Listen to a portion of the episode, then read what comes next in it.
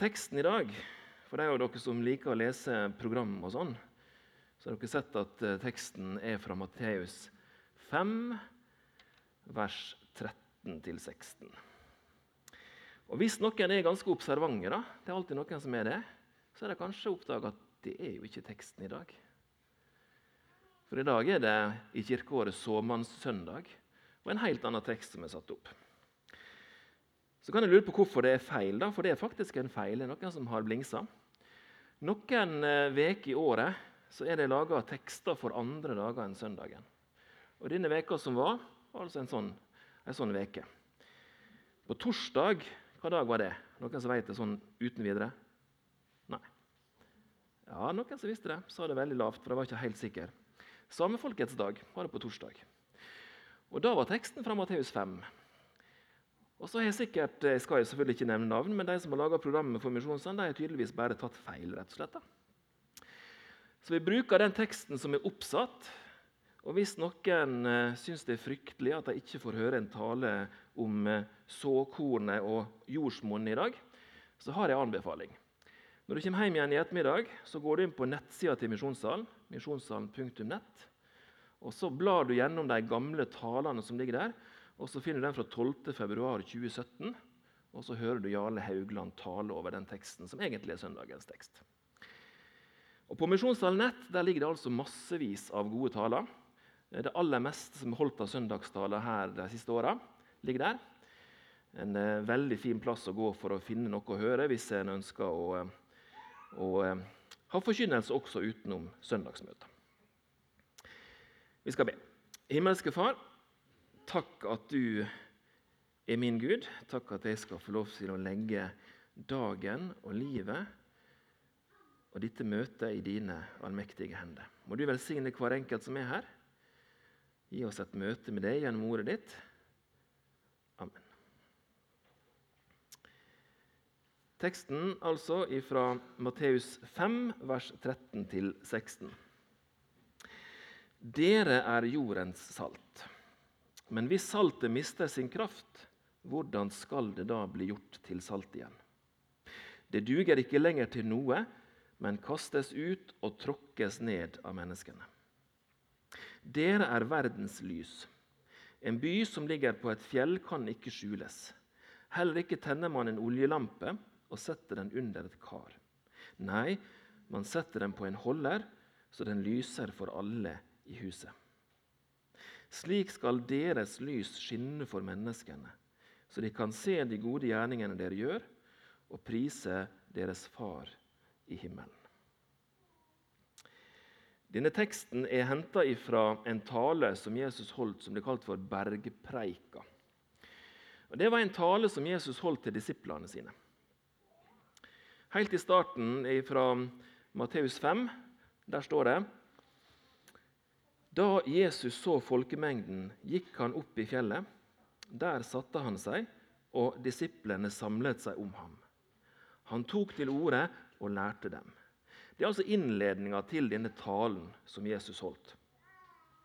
Og Jesus han talte av og til til store folkemengder. Og I perioder av livet hans så kom det veldig veldig mange og ville høre Jesus tale. Men flere plasser, bl.a. her, så kan det se ut til at Jesus trekker seg litt bort fra de store folkemengdene. Han går opp i fjellet, og så samler han disiplene rundt seg. Og så heller han denne talen eller denne undervisninga til dem. Så var det sannsynligvis mange andre som også hørte talen, som sto rundt, som ikke var av disiplene hans. Men uansett så henvender Jesus seg til sine disipler når han holder denne talen.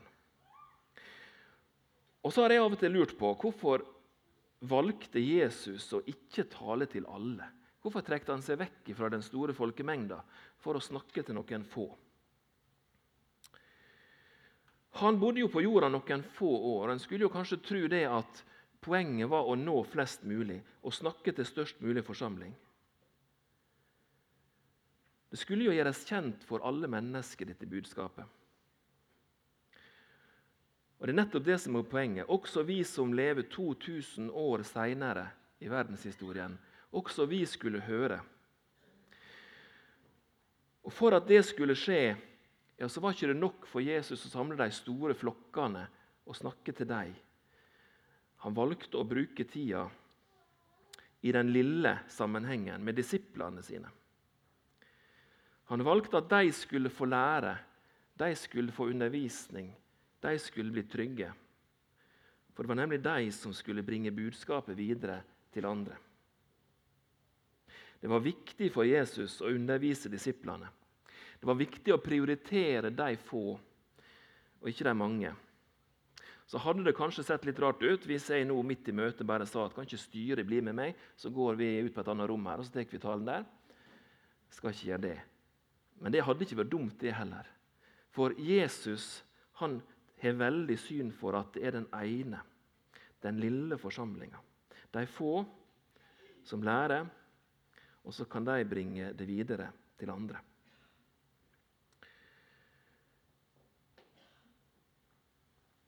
Dere er jordens salt, starter altså teksten med. Og La oss stoppe allerede der. Hva tenker du om salt? Hva veit du om salt? Kan ikke du tenke litt på det? Bare et halvt minutt eller sånn. Tenk litt, Hva, hva veit du egentlig om salt? Og Hvis du vil, så kan du gjerne drøfte det med sidemannen eller dama. Hva er salt? Hva veit du om salt?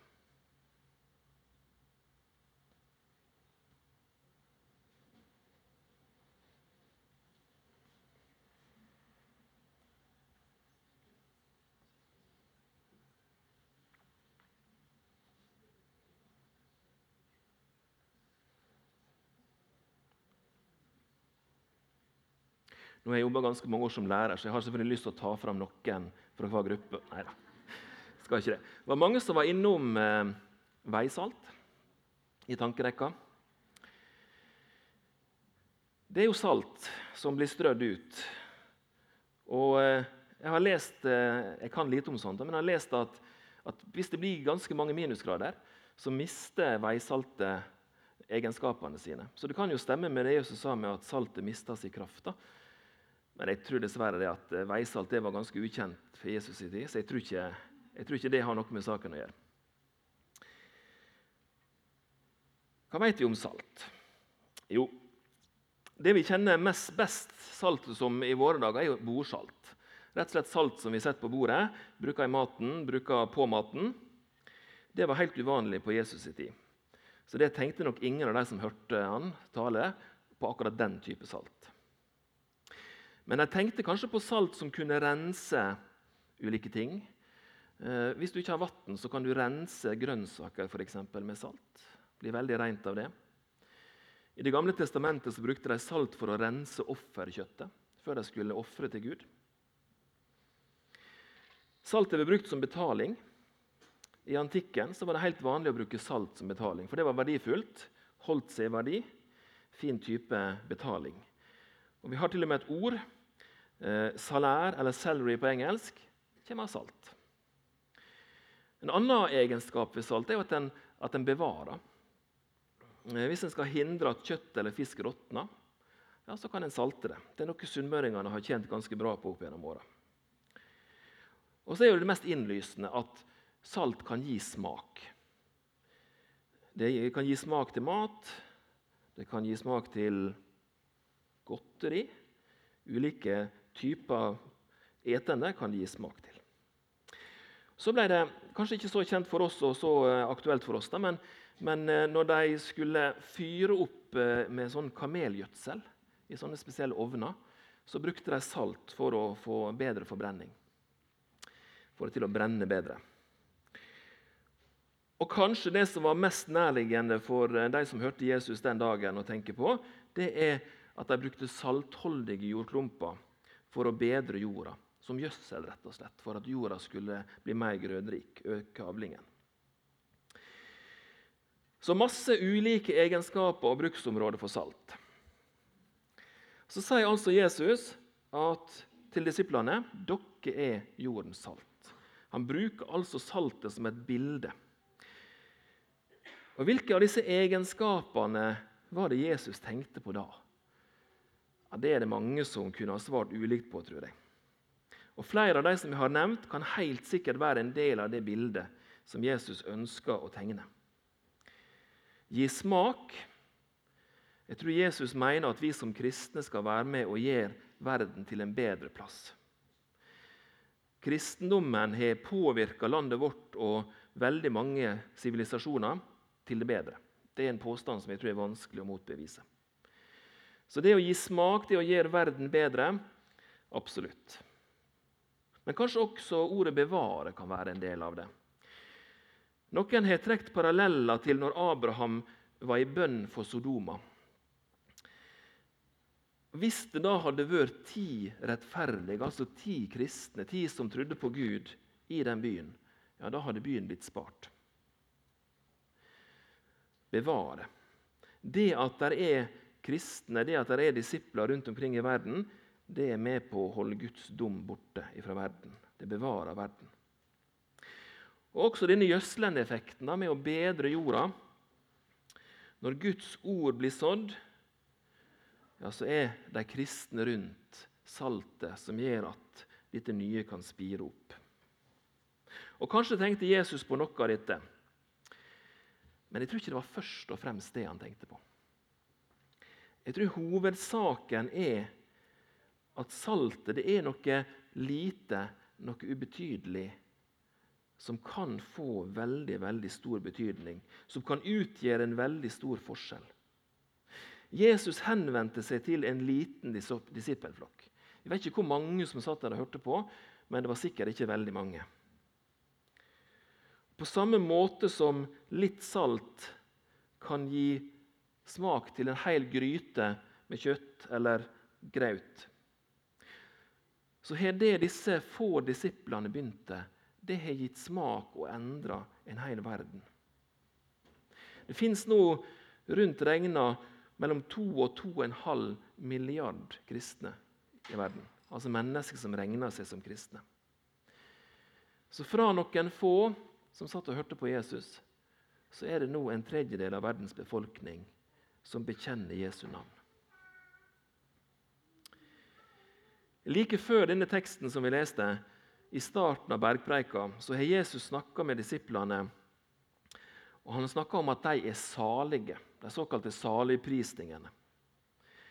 Han sier altså til disiplene at dere er salige eller lykkelige fordi dere er fattige i ånden, fordi dere er ydmyke, fordi dere blir forfulgt, fordi dere blir håna, fordi dere blir mobba. En liten, stakkarslig gjeng, og så forandrer de verden. Og så er også vi som kristne i dag jordens salt. Så skal vi også være med på å forandre verden. Så spør Jesus men hva hvis saltet mister sin kraft? Hvordan skal det da bli gjort til salt igjen? Så kan vi sikkert diskutere hva, hva betyr det da, at saltet mister sin kraft. Går det an hvis vi tenker på faktisk salt? Jeg tror ikke det var så viktig for Jesus å få det til å henge sammen. Men kanskje var det sånn på den tida at saltet ofte ikke var rent, at det ofte var blanda med andre ting. Og Hvis det kom altfor mye annen forurensning inn i saltet, ja, så gikk ikke det an å kalle det salt lenger. Men Jesus snakka egentlig ikke om salt konkret sett. Han snakka om disiplene. Han snakka om at de kan slutte å være salt. Og Hvordan er det mulig? 1. Timoteus 3, 1-5 så står det du skal vite at i de siste dager skal det komme vanskelige tider. For da skal menneskene være selvopptatte og pengegriske, brautende, hovmodige og spottende, ulydige mot foreldre, utakknemlige og uten respekt for de hellige, ukjærlige og uforsonlige, baktalende, ubeherskede, rå og ondsinnede, svikefulle, oppfarende og innbilske de elsker nytelsen høyere enn de elsker Gud. I det ytre har de gudsfrykt, men de fornekter gudsfryktens kraft. Vend deg bort fra slike folk. I det ytre har de gudsfrykt, men de fornekter gudsfryktens kraft. Saltet har mista krafta si. Det fungerer ikke lenger som salt. Og Legg merke til hva Jesus sier om dette som ikke lenger er salt. Det duger ikke lenger til noe, men kastes ut og tråkkes ned av menneskene. I Kolosserbrevet 3 så snakker Jesus til de som nettopp har blitt kristne. Er dere da reist opp med Kristus, så søk det som er der oppe, hvor Kristus sitter ved Guds høyre hånd. Og så sier han fra vers 8.: Men legg nå av alt dette, sinne, hissighet, ondskap, spott og rått snakk, og lyv ikke for hverandre. For dere har kledd av dere det gamle mennesket og dets gjerninger, og iført dere det nye, det som blir fornyet etter sin skapers bilde, og lærer ham å kjenne. Og så i vers 12 og 13 i samme kapittel. Dere er Guds utvalgte, helliget og elsket av ham. Kle dere derfor i inderlig medfølelse og vær gode, milde, ydmyke og tålmodige. Så dere bærer over med hverandre og tilgir hverandre hvis den ene har noe å bebreide den andre. Som Herren har tilgitt dere, skal dere tilgi hverandre. I kapittel 11 i Hebreabrevet så, så blir det skrevet om de som tidligere har levd i trua. De som tidligere har tilhørt Gud. De som vi kan kalle for trushelter. Det er nevnt flere. Abel, Abraham, Moses og flere andre. Og så står det i starten av kapittel 12 i Hebreabrevet. Derfor, når vi har så stor en sky av vitner omkring oss, så la oss legge av alt som tynger, og synden som så lett fanger oss inn, og med utholdenhet fullføre det løpet som ligger foran oss, med blikket festet på Ham som er troens opphavsmann og fullender Jesus. Dette handler altså om å være jordens salt. Legge av alt som tynger, og synder som så lett fanger oss. I en annen bibeloversettelse så står det at synder som så lett som henger så fast ved oss. Jeg vet ikke om du har opplevd det i ditt liv. At synda ser ut som den, den fester seg, som den holder seg fast. Du tenker at den synda der den er jeg i alle fall ferdig med. Den skal jeg aldri gjøre igjen. Og så dukker det opp igjen, på nytt og på nytt. En fanger det inn, og så gjør du det samme som du ikke skulle gjort, gang på gang. Og du som lever slik, du skal altså være jordens salt. Dere skal bli jordens salt sa Jesus. Eller var det det han sa? Sa han at du skal prøve så godt du kan. Du skal gjøre ditt beste, og så skal du se kan hende klarer du å bli jordens salt. Når du bare klarer å unngå akkurat den og den synda i livet ditt, ja, da kan du bli jordens salt. Nei. Jesus han sa, 'Dere er jordens salt'. Det er ikke noe du kan få til eller ikke få til. Det er ikke spørsmål om hva du klarer. Det er en tilstand. I grammatikken så kaller vi det indikativ. En beskrivelse av den faktiske tilstanden. Sånn er det. I motsetning til imperativ, der ville det stått 'bli jorden salt'. Men det står ikke. Det sier ikke Jesus. Det er en tilstand. Det er noe du er i. Og når du er jordens salt, når du først er det, da skal du kjempe mot synda i livet ditt. Da skal du prøve å være et godt eksempel for de rundt deg. Men det skal du gjøre fordi du er jordens salt, ikke for å bli det. Og Så bruker Jesus et superenkelt eksempel om lyset.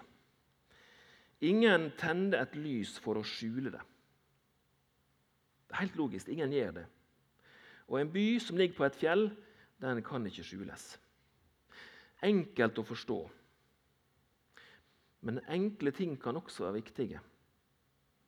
Lyset skal skinne for mennesker, slik at de ser de gode gjerningene dere gjør, sier Jesus. Jeg ser at tida går veldig fort der, så vi tar tre kjappe punkt om lyset. Et lys det er meint for å kunne bli sett. Det er egentlig hele poenget med et lys. Som kristen så skal det prege dagliglivet ditt. Slik at de du jobber sammen med, de du går på skole sammen med, de du er i familie med, de skal merke at du er kristen. Lyset skal bli sett. For det andre, hvis du er ute og går om kvelden og det er mørkt, og du er helt uten lys, og du er på en ukjent plass, altså er det forholdsvis vanskelig å finne fram. Som verdens lys, altså som kristen, kan du være med på å få de rundt deg på riktig vei. Hvis de er ute og går i mørket og aner ikke hvor de skal, ja, da er det godt at det fins noen sånne lys rundt dem. Som kan være med på å peke i riktig retning, som kan være med på å vise dem, så de finner fram til Gud, til himmelen. Og for det tredje et lys kan også være en varsellampe.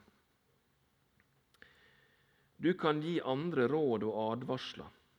Du kan eh, gjennom ordene dine, gjennom eksempelet ditt, vise hvordan en skal leve et godt liv med Jesus.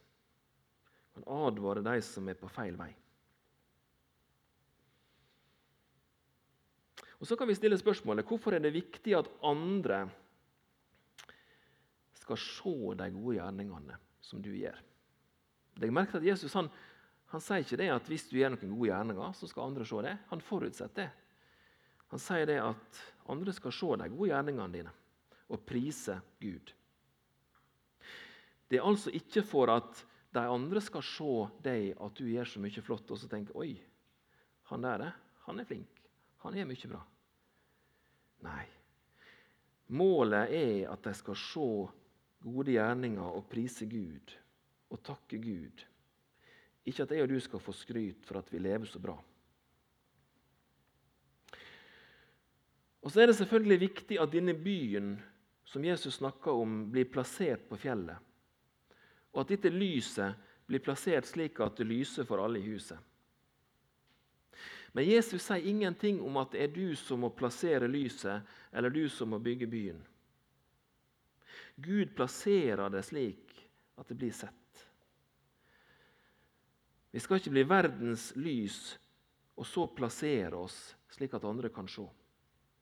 Jesus sier at vi er verdens lys, og at han dermed har plassert oss slik at vi ikke kan bli skjult. Og Så tenker kanskje du at det er så få kristne. Ja, vi er mange i misjonssal, men, men rundt omkring det er så få. Og så er vi så lite frimodige, og så er det så vanskelig å snakke med andre om Jesus. Og så er det så vanskelig å invitere med seg noen på møte. Jesus snakka til en liten disippelflokk. Og Deres forutsetninger de var ikke spesielt gode. Men Gud ønska at de skulle være jordens salt og verdens lys. På samme måte så vil han at jeg og du skal være det. Johannes 12, 35 og 36.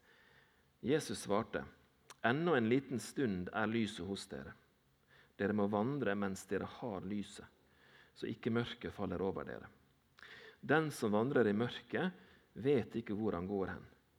Tro på lyset mens dere ennå har lyset, så dere kan bli lysets barn. Da Jesus hadde sagt dette, gikk han fra dem og skjulte seg for dem. Disiplene hadde Jesus, og Jesus er lyset. Og Så sier han til disse disiplene at de skulle bli lysets barn. Det lyset som Jesus var, det skulle de få. Som hans barn skulle de få ha sitt lys. Og Når vi skal være jordens salt og verdens lys, ja, da er ikke det en prestasjon, men det er noe som Jesus gir oss. Og Den eneste måten vi kan være verdens være lys og salt på i verden, det er ved å leve nær Han.